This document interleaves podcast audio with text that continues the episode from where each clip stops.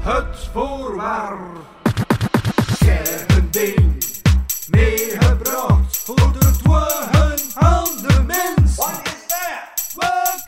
We ding meegebracht voor de dwagen aan de mens. What the fuck is that? Een podcast van Louis van Oosthuizen. Ehm. Ja. En die mevrouw die na mijn uitleg weg van de telefoon zei dat ze er niets van verstond, ik kan u horen.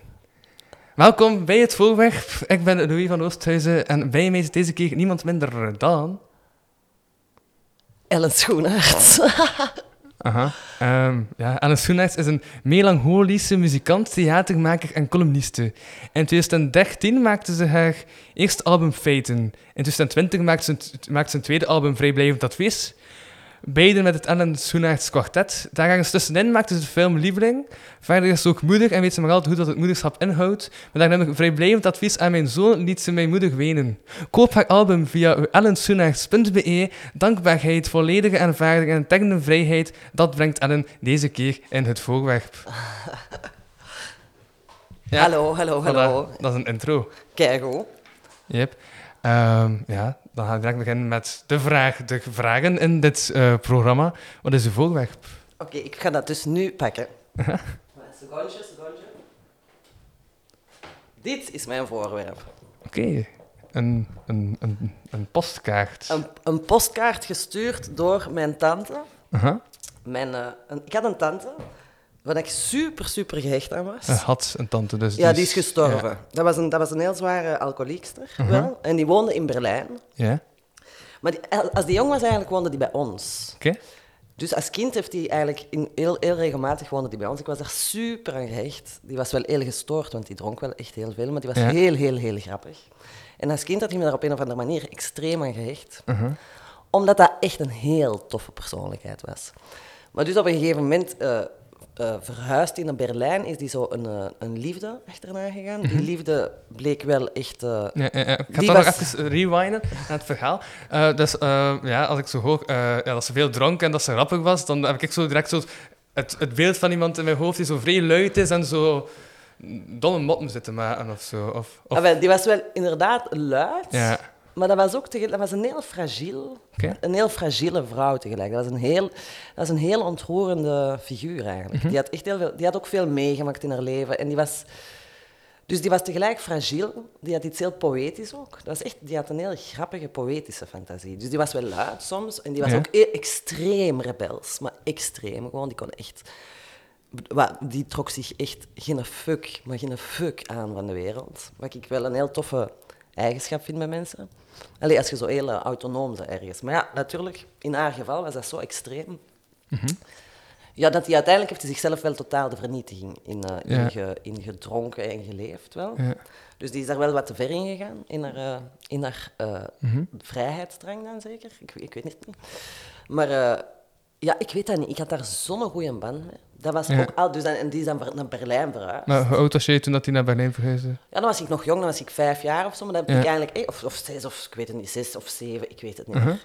Maar alleszins, ik herinner mij dat ik daar als kind enorm van heb Ja, afgezien. zo, zo, zo, zo, zo de eerste jaren in het lager daar ergens. Ja, ik denk daar. Ja. ergens, Ja. En die ging weg en dat was echt een soort gemis in mijn leven. Ik heb dat echt, dat was een- voor mij was dat een moederfiguur als kind, Mhm. in a way. Ja. Maar tot de zeven, maar dan denk ik hoe bewust je van je eigen leven als je zo jong bent. Ja, dat weet ik niet, maar je bent toch wel... Ja, je bent toch bewust, hè. Ja? Als kind, ik denk dat eigenlijk wel, ja. Of, en je bent ook heel, eh, heel sensitief, hè, als kind. Op, Ja. En je bent ook heel... Als je hecht, hecht je, hè. Dus je bent zo heel... eh, ja, ik weet dat niet, ik was daar extreem... Ik vond die... Of mijn jeugd zie ik eigenlijk wel als iets dat heel... ja, ik herinner mij enorm goed mijn jeugd, maar met name in de beelden en de emoties Ja. die ik had. hè. Ja, ja, of zo ja. de, en ook hoe dat, de dingen eruit zagen en hoe ik mij... Ik heb al langs een, eh, een visie gehoord. Ik ga die gewoon even eh, delen. Ja. Als hij zo dat je herinnert, herinner je je dat dan in de derde persoon? Dus zo, he- zie je dat doen? Of zie je echt door je ogen als je dat je herinnert? Ik zie door mijn ogen. Dus ik zie niet mezelf in het verhaal. Ik zie dus de anderen in het verhaal. En mijn, dus inderdaad mijn blik. Ja, ja, ja. Nee, ik zie niet mezelf lopen in, een, in, Uh-huh. in, een, in mijn eigen leven. Ja, ja. Ik weet trouwens niet of je dat nu wel zou doen. Ik denk het ook niet. Ik denk dat ik nooit mezelf zie lopen in mijn eigen leven.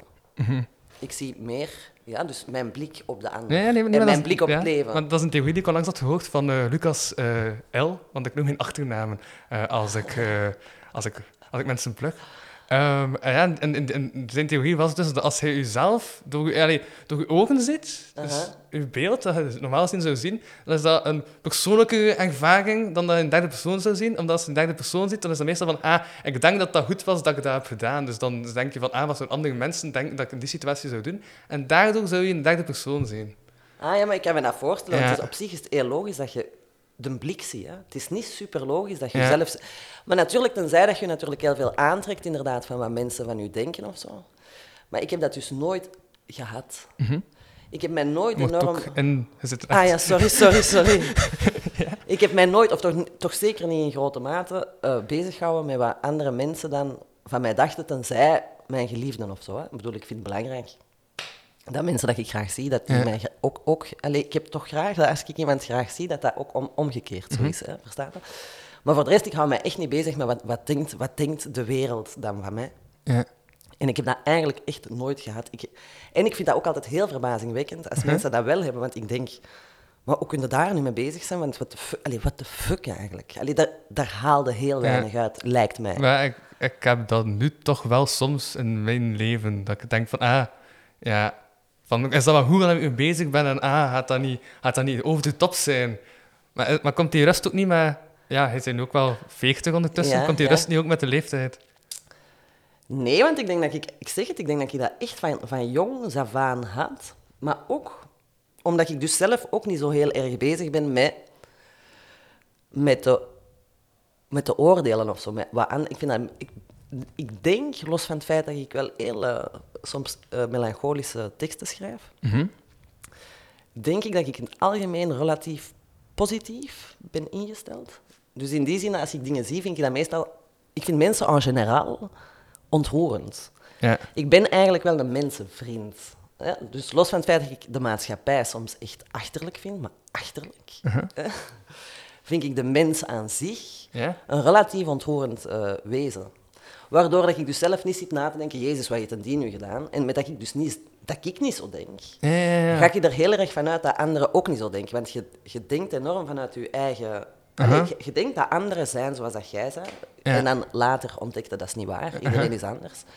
Maar toch zijn je geneigd om vanuit je eigen perspectief, vanuit je eigen mens zijn, te redeneren. Dus met dat ik dus niet zit na te denken over wat, wat anderen doen, tenzij op een positieve manier van haha, dat was grappig, of hilarisch, of weet ik veel, of ontroerend, of poëtisch denk ik dus, ben ik geneigd om dus ook te denken dat mensen mij dus ook zo zien. Dus ik denk eigenlijk, heel- eigenlijk over het algemeen dat, dat, Ja, ja, ja. dat mensen een relatief oké. positief Dus beeld hebben, ook over mij. Dus volgens uw stelling, als ik dan denk van... Ah, ben- ben- als ik dan wel zo denk, dan wil dat zijn dat ik ook zelf meer oordeel over anderen. Volgens, Ja. volgens de hypothese, als we die hypothese volgen. Ja, mis- ja, dat had ik nog niet bezien, maar dus volgens die hypothese, inderdaad, zou dat dan, zou dat dan zo zijn. Maar bo, ik zie het vooral vanuit mijn eigen van waarom Ja, denk ja, ik nu niet na over wat de anderen van mij denken. En ik ga er dus echt vanuit dat mensen mij leuk vinden. Wat eigenlijk, wat eigenlijk een totaal belachelijk idee is, want natuurlijk vinden mensen mij waarschijnlijk, misschien is dat helemaal niet waar. Maar dan trek ik het mij ook niet aan, want het is ook wel leuker om wel te denken dat mensen nu wel heel leuk vinden. Ja, ja, ja. Snap je? Dat is een toffer, toffer idee, hè? Dan Aha. ook wel vlotter door het leven. Zo. Ik denk dat prima, alles leuk, ja.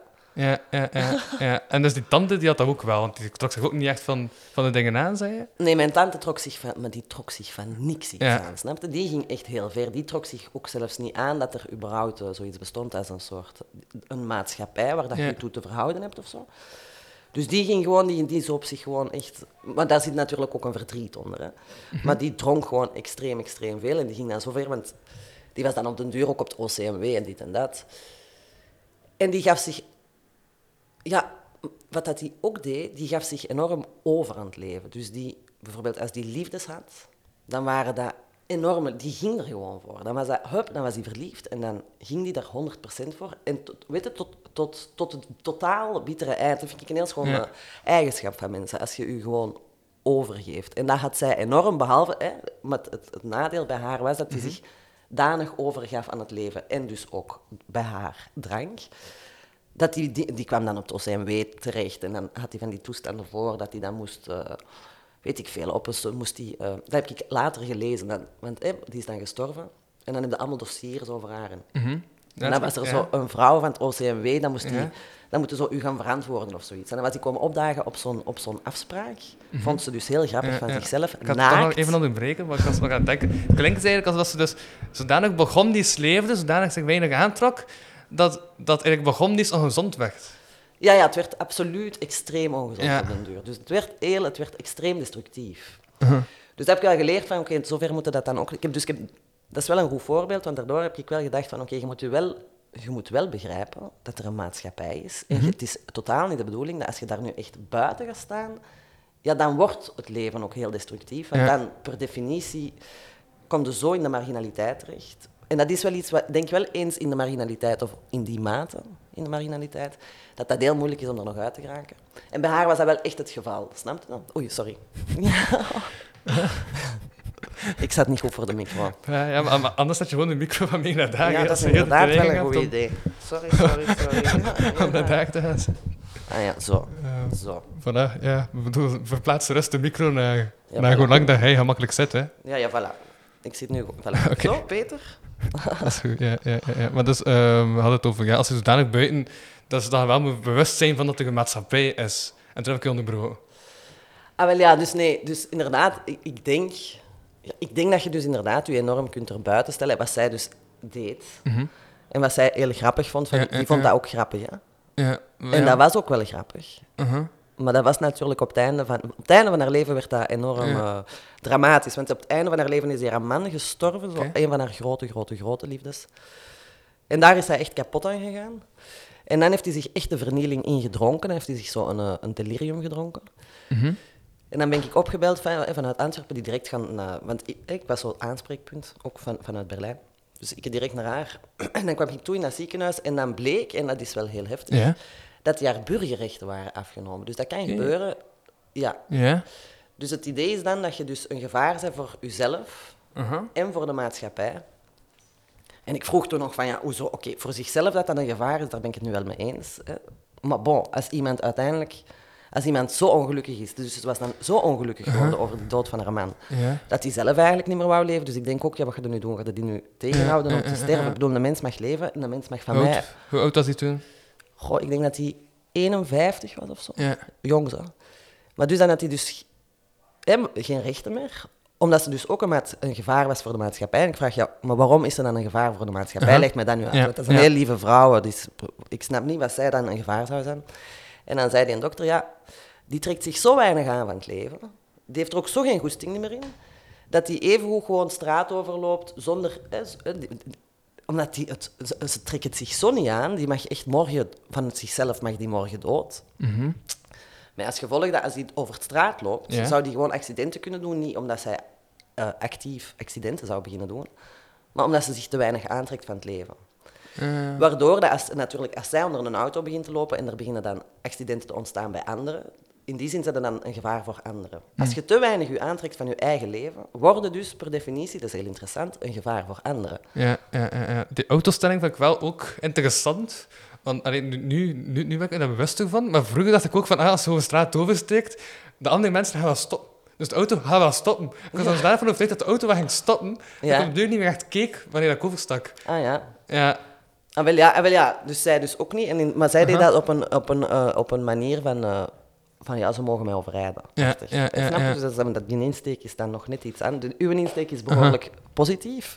Terwijl die van mijn tante dus op het einde van haar leven heel negatief was. Als ik verder denk op die stelling, dan dacht ik ook oorspronkelijk van, ah, want mensen willen geen boete, dus gaan ze wel stoppen. Ja, dat straf in de mensen ik wel in. Nu, nu, allee, nu, nu dat ik er lang over nadenk, dat straf in de mensen wel in dus van, ah, mensen willen gewoon niet, niet gestraft worden en boete moeten betalen, dus ze gaan wel stoppen. Ja, dat was er in de Ja, maar dus jij denkt vanuit... eh, ja, Oeh, dat is een katholieke redenering, hè? Is dat? Ja, ik vind dat wel. Ik vind, maar wij zitten sowieso in een relatief katholiek. Het Ja. katholicisme zit er nog in. Hè? Zo schuld Uh-huh. en boete, straf, eh, bla bla. Dat is, ik vind dat, dat enorm nog. Met name in, bij de Vlaming. Ik weet niet, bij de, bij de Belg vind ik dat echt een, echt een fenomeen. Ja. Bij de Belgen in het algemeen, dus... Ja, je voelt dat toch heel erg, dat je zo nog Mhm. zo de... Ja, de- ik vind dat wij ons bijvoorbeeld enorm gemakkelijk overgeven aan regels, om nu maar eens iets te zeggen. Ja, terwijl ja. dat die regels voor hetzelfde geld compleet idioot zijn. Uh-huh, Ja, ja, en dat, is een, dat doet de, katho- de katholieke kerk, die vond er ook niet beter op om allemaal regels te verzinnen waarvan dat je denkt, maar ze zeggen nu niet juist. Hebben wij duizenden jaren gevolgd. Mhm. En dan nu, eh, en, en ergens zit dat erin gebakken. En inderdaad, vanuit een soort katholiek gevoel, als er dan ons regels worden opgelegd.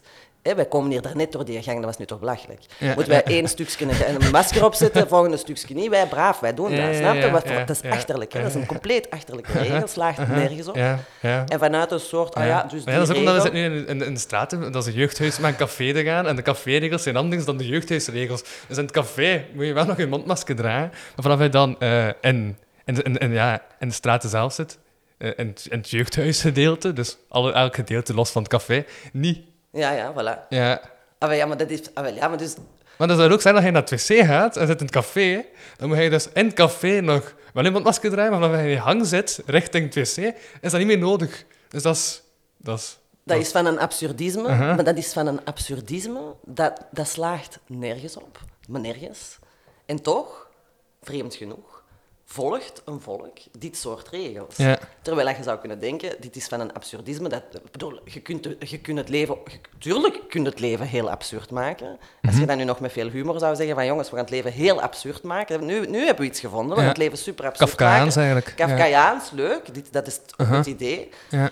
lach er maar mee, want het is heel grappig ook dat we deze aan het doen Mhm. zijn. Maar nee, dan, ze maken het leven een, een- totaal absurd, wat het katholicisme trouwens ook deed. Maar met een ernst waarvan dat je denkt, ja maar jongens, dit is toch te belachelijk voor woorden, verstaan? Mhm. Dus die ernst erbij, hè, dat vind ik, ik vind dat allemaal heel ja, een, ja, katholiek voelen. Ja, ik kan niet anders zeggen. Ja, ja, ja, ja. Ehm, ja, dus, maar ho- hoe is het dan uiteindelijk eigenlijk... Dus dan trok ze zich niets meer aan. En hoe is dat uiteindelijk eh, gestorven? Ah, wel, dat is heel tragisch, tragisch geëindigd. Die is dan uh, Dus hè, die een dokter zegt tegen mij, ja, uh, dus is een gevaar, dus heeft geen rechten meer. Ik zeg, ja, en dan nu? Ah ja, we gaan die dan opsluiten in een ouderlingentehuis. Die was 50, hè. In een ouderlingentehuis. Ik zeg, uh, excuseer. ik zeg, ja... Maar ik weet waarom dat, dat is, dat ik voor die micro, maar dan zie ik u gewoon niet. Het is ermee dat ik heel de tijd je zo... ogen zitten toch boven de? Ja, oké, maar toch. Ja, dat, is waar, maar dat is zoiets... Maar ik heb ook iets met micro's, Ja. ik weet niet wat dat, Ja, dat maar is. je Ik vind dat heel intimiderend, eigenlijk, Maar is micro. toch artiest? Hij is toch heel de tijd met micro's bezig? Ik weet het, maar Dus ik dan- vloek daarop. Dus ook, ook, als ik eh, moet optreden, en zo denk ik, jongens, die micro, echt waar. Echt waar, ik heb er eens iets... Maar treedt hij dan op met een headset of met een micro in de hand? Nee, nee, gewoon micro-statief. Ja. Nee, nee, Ook, ah, ook met een statief? Dan, Ja, anders ja. Dan, dan, dan, dan ben je dit toch gewoon? Ja, dat is wel waar, ja. Ja, ik, ja, ja, ik weet het, ja. Je moet ook soms een beetje onnozel doen in het leven, hè, verstaan? Ja, ja, ik weet ook niet wat dat, dat is met mij. Het is gewoon iets moeilijk. We hebben een moeilijke relatie. Ja.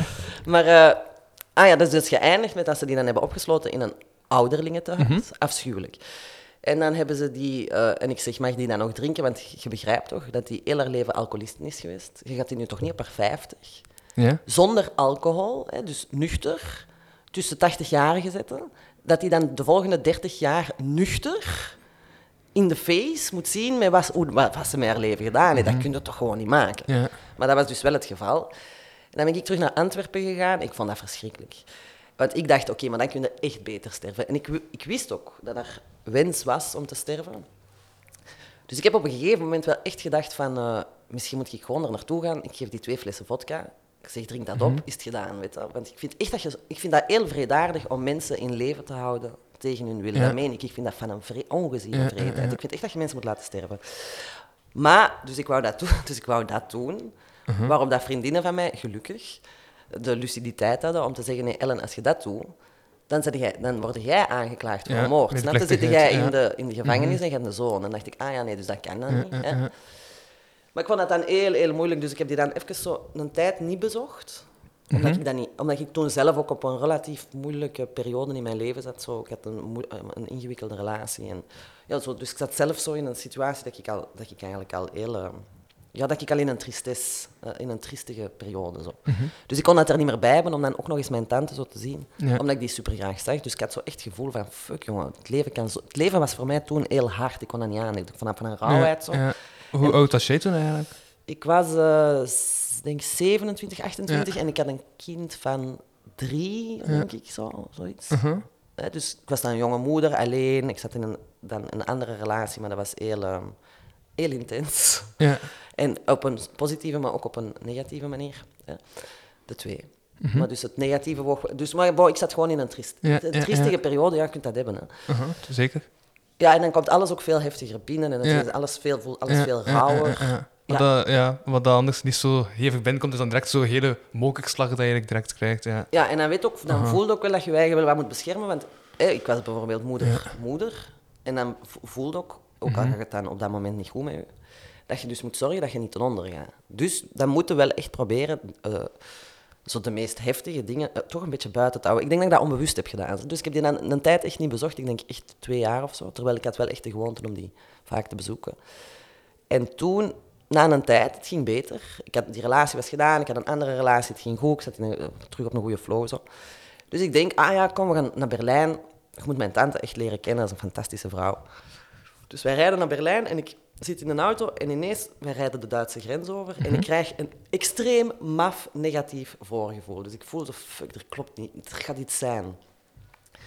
Dus wij komen aan, uiteindelijk komen we aan in Berlijn. Wij zoeken zo de laatste keer, allez, het laatste dat ik wist waar dat ze was. Ik moest die altijd zoeken, court. Ja, Dat was ja. ook een grappige Maar situatie. wanneer was je dan... Was het dan lang daarvoor dat je daar nog was geweest? Of? Ah, wel nee, dus ik was een paar jaar niet geweest. Ja. Dus ik moest die dan altijd wel even Uh-huh. lokaliseren. Maar sowieso vroeger moest ik die ook altijd lokaliseren. Want die was altijd ja, ergens, snap je? Ja. Je kon ook niet zeggen, ik kom naar Berlijn. Want je kon die niet bereiken. Dus ik, kwam, ik ging gewoon naar Berlijn. Die had geen gsm of zo? Of? Nee, nee, die had ook geen telefoon. Je kon die dan wel een brief schrijven, maar wist ook niet zeker of dat hij haar brievenbus had opengedaan. Dus ik schreef wel brieven van ik kom dan of zo. Mhm. En soms had hij dat gelezen, maar soms ook niet. Dus... Maar ik kon die altijd wel vinden, want die, die bewoog relatief dicht rondom haar huis. Je. Ja, op Dus ik- dezelfde plaats. Ja, ik kon die zo vinden op een plein. Die zat dan op pleinen met allemaal van die junks. Mhm. Of weet ik veel. Ik, ik wist Ja. zo wel plekken waar ik die kon vinden. Vroeger, hè, toen dat ze jonger was. Maar dus nu moest ik die dus terug ook zoeken. Maar, dus ik was gegaan, en zo de laatste keer dat ik haar, hè, waar ik het laatst gezien had. Ja. Zo. En die vrouw, ah ja, oh, Sarah, fantastisch, fantastisch. Ze is niet meer hier, maar ik zal bellen. Dus die belt en die haar gezicht vertrekt. Hè, die haar gezicht wordt zo helemaal eh, bleek, echt. Uh-huh, Wacht, ik denk... Ja, er zijn kinderen, hè?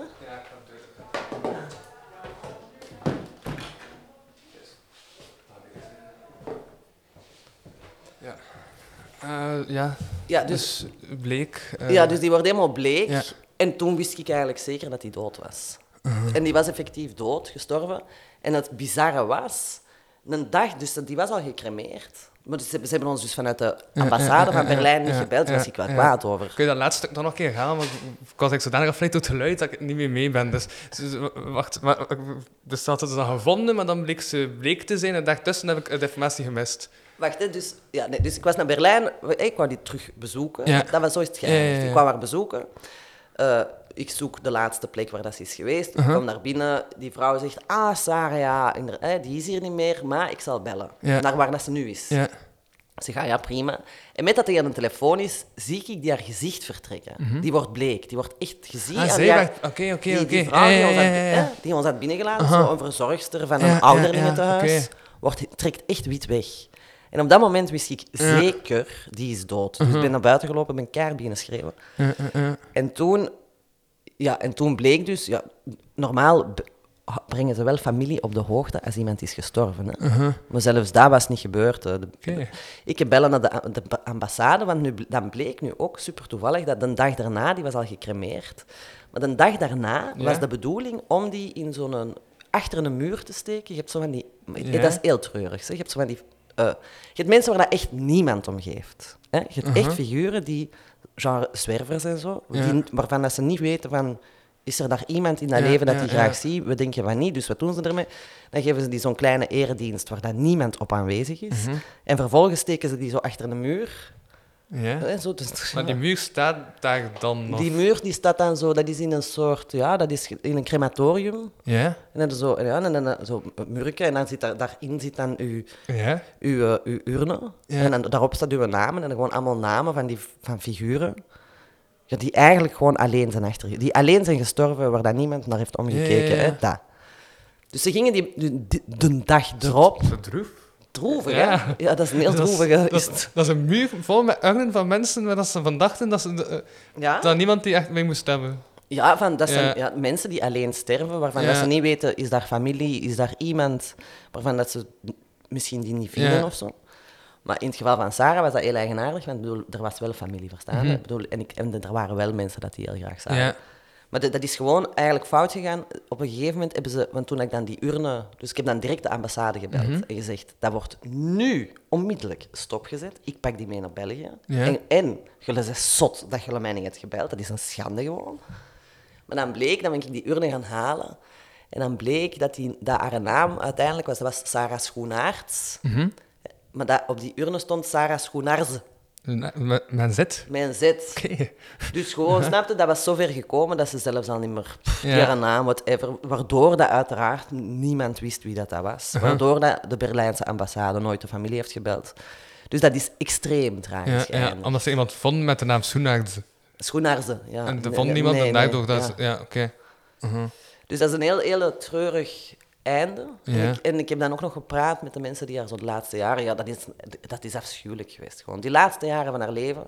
En dat vind ik wel relatief crimineel. Dat ze mensen, dus zoals, hè, nogmaals, dat ze mensen niet gewoon laten Ja. sterven, maar dat ze die dan echt... Dat ze mensen levend houden, vind ik... Ja, ik weet dat niet waarom. Ik vind dat vredaardig. Als iemand wil sterven, go. Allee, snap je? Nu weet je, die heeft drie jaar, de laatste drie jaar van haar leven in totale eenzaamheid in, allee, huilend doorgebracht. Dat is toch verschrikkelijk gewoon. Ja. En ik vind dat verschrikkelijk, ja. oké, pff. En, Ik- ja. ja. Maar bon, ik geloof tegelijkertijd wel, want ik weet ook niet met dood of zo. Ik ben niet... Ik ben nu niet zo van, ah ja, dood is dood, verstaan? Ik denk dood is Ja. ergens, ergens nog iets. Ik weet niet waar, Ja, maar ik zat nu even met Iwijn Segers in mijn hoofd, eh, die eh, de parodie maakt op Live is Live, als een dood is dood, la la la la la, maar dat was terzijde. Ehm Ja, je hebt heel veel volk dat echt vindt dat dood dood is.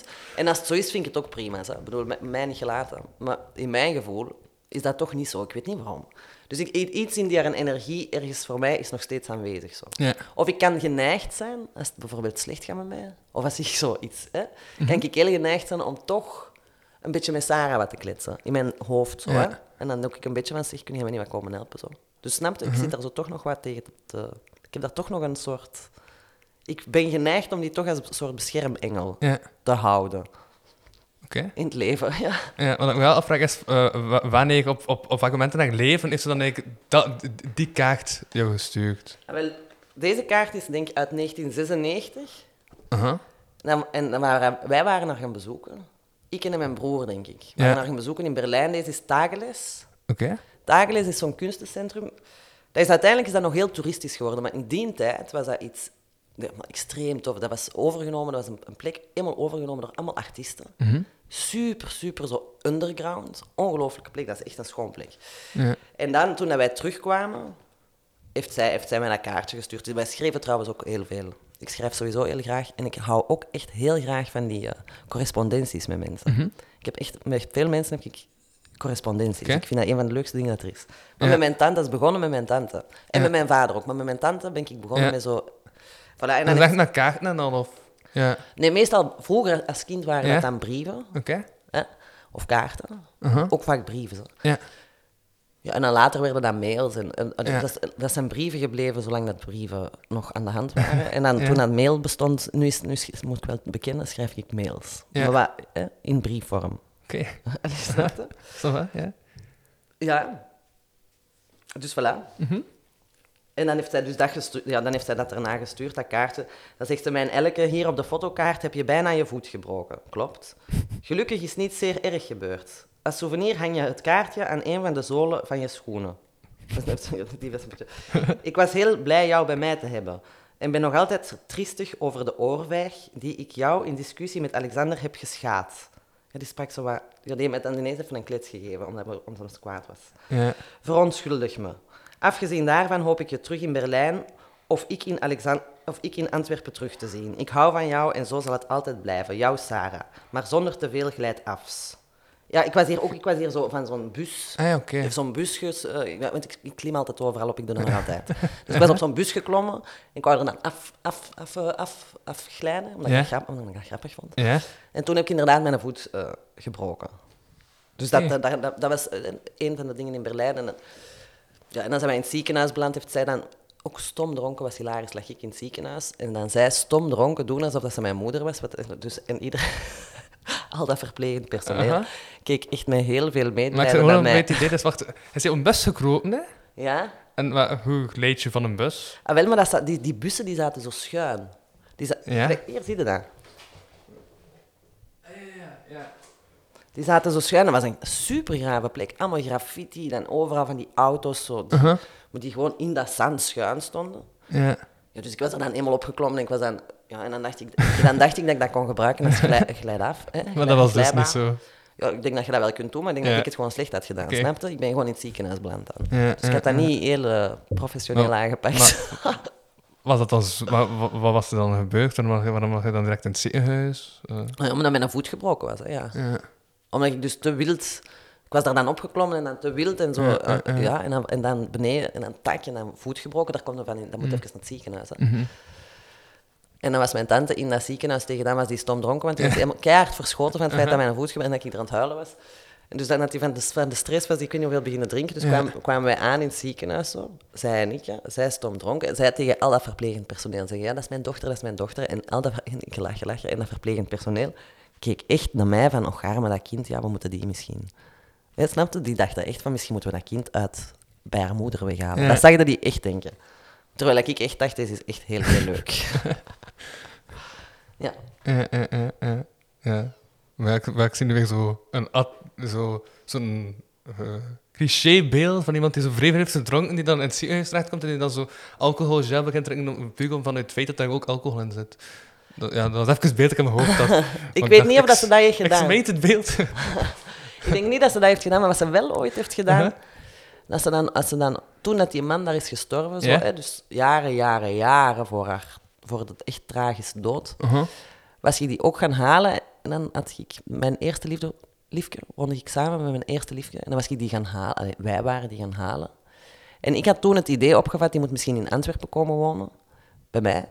En die moet misschien eh, afkicken. Hè? Misschien kan die gewoon een nieuw leven beginnen. Dat had ik zo in mijn hoofd gehad. Dus toen heb je, hebben wij die naar mij gehaald en dan hebben wij die dus bij ons thuis laten afkicken. Mhm. Dat was wel heel pittig. En toen hebben we inderdaad wel effectief alle eh, alcoholhoudende producten Ja, uit, de, uit het huis moeten halen. ja, ja, ja, oké. dus Ja, dat, ja, dat- dat is heel dus- zwaar Dus afkick. het is toch niet zo'n overdreven beeld dat ik in mijn hoofd had. Nee, nee, nee, nee. Dat was, dus dat was wel een alcoholistengenre echt hard, hard, hardcore. Die stond op en die drop pakte een halve pint. En dan deed hij een slok en dan goot hij daar vodka in. Dat was dus tien jaar ontbijt, verstaan? Dus dat was wel... eh, ja, ja. En toch was die heel...